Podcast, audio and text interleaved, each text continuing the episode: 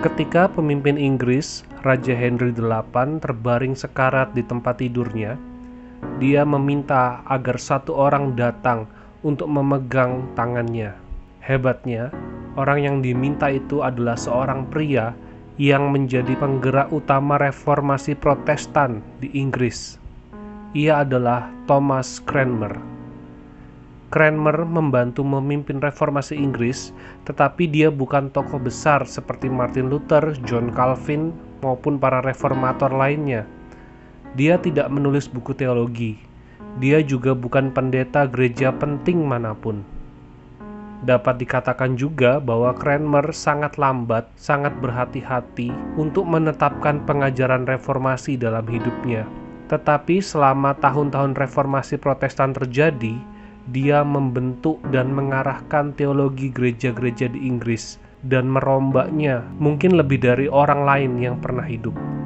Cranmer lahir pada tahun 1489 di desa kecil di Aslockton, Inggris. Thomas Cranmer tumbuh di dekat hutan Sherwood, hutan yang sama tempat Robin Hood bersembunyi tiga abad sebelumnya.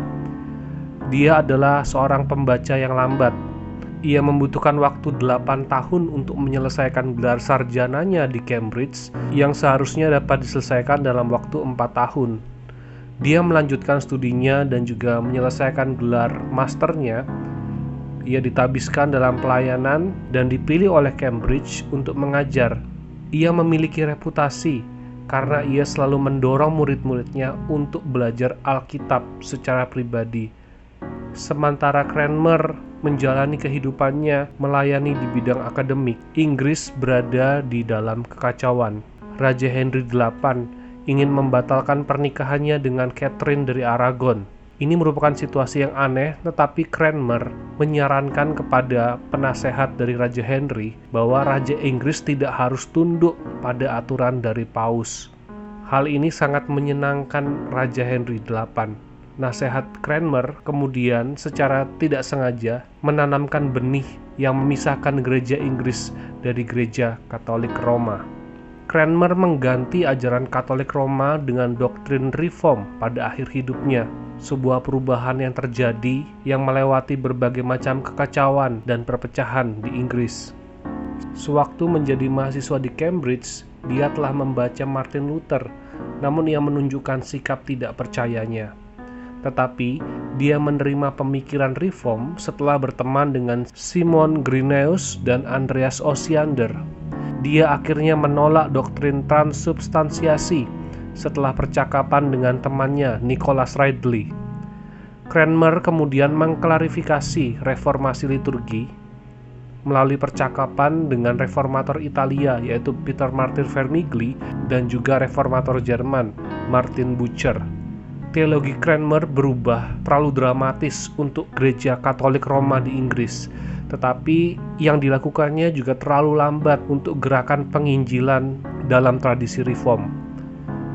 Bagi beberapa orang, apa yang dilakukan Cranmer dikatakan terlalu pribadi dan bermotivasi politik. Tetapi kalau melihat kehidupan Cranmer, dia tidak memiliki kemewahan, dia tidak memiliki kekayaan yang berlebih ia adalah orang yang tidak terburu-buru, teologinya dibentuk di tengah-tengah krisis pastoral dan kondisi politik yang bergejolak, sehingga itulah yang membuatnya dia lamban dalam mengambil keputusan.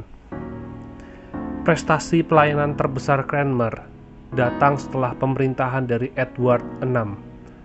Ketika dia menulis ulang liturgi publik, khotbah pastoral, doa pribadi, dan artikel iman Tulisan-tulisan ini berisi kerangka doktrin dan kesalehan pribadi yang kemudian berkembang menjadi gereja Anglikan.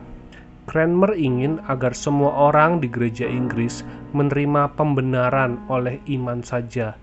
Dia menulis bahwa pembenaran oleh iman, bahwa kita dibenarkan hanya oleh iman, bukan dengan perbuatan, ini menunjukkan tentang kebaikan Allah, menunjukkan tentang anugerah Allah, karena usaha manusia tidak pernah cukup untuk mendapatkan pembenaran di tangan Tuhan.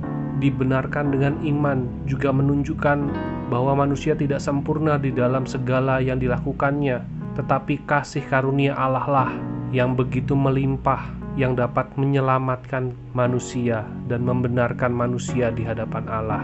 Dan dengan demikian, kita dapat menghargai karya dan pengorbanan Kristus di atas kayu salib bagi setiap kita yang beriman kepadanya. Ketika Ratu Katolik Roma, Mary yang pertama, mengambil alih kekuasaan, keyakinan reformasi Cranmer membuatnya kehilangan nyawanya. Dalam periode tiga tahun, ia disiksa, ia dipenjara, diisolasi, dipermalukan, bahkan ia terpaksa menyaksikan teman-temannya yaitu Nicholas Ridley dan Hugh Latimer terbakar hidup-hidup. Bahkan pada eksekusinya sendiri, Cranmer merasa hampir menyerah dan ingin menarik kembali keyakinannya. Tetapi Cranmer yang biasanya ragu-ragu dan penuh pertimbangan ini dengan kuat menunjukkan imannya kepada Kristus saat ia dibakar di tiang pancang. Tetapi momen yang paling menggambarkan warisan abadi dari Cranmer bukanlah hari kematiannya sendiri, tetapi hari sembilan tahun sebelumnya, saat dia berdiri di samping ranjang kematian dari Raja Henry VIII pada 27 Januari 1547 Raja Henry yang sekarat memanggil nama Thomas untuk mendampinginya, untuk ada di sebelahnya, menggenggam tangannya.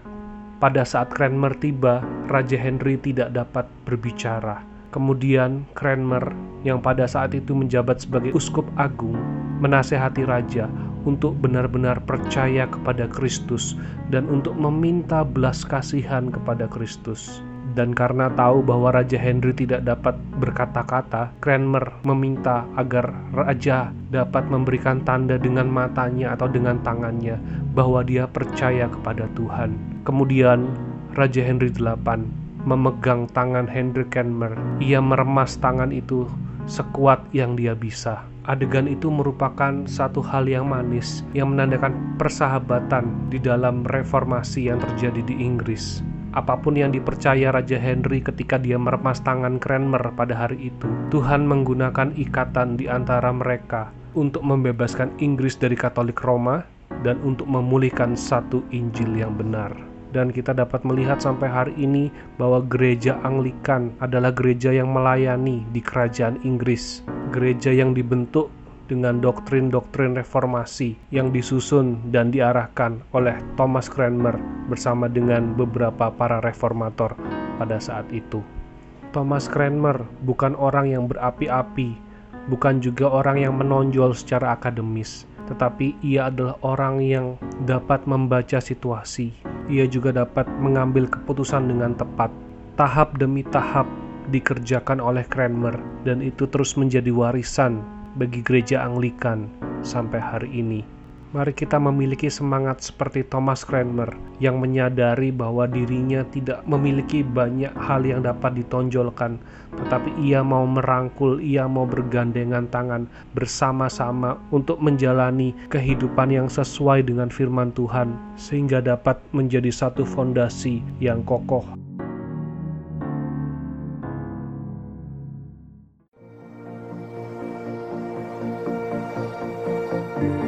Terima kasih buat kamu yang sudah mendengarkan podcast ini sampai akhir. Kalau ada saran, ada kritik, ada masukan, bisa langsung aja ke kolom komentar di Instagram podcast bebas terbatas.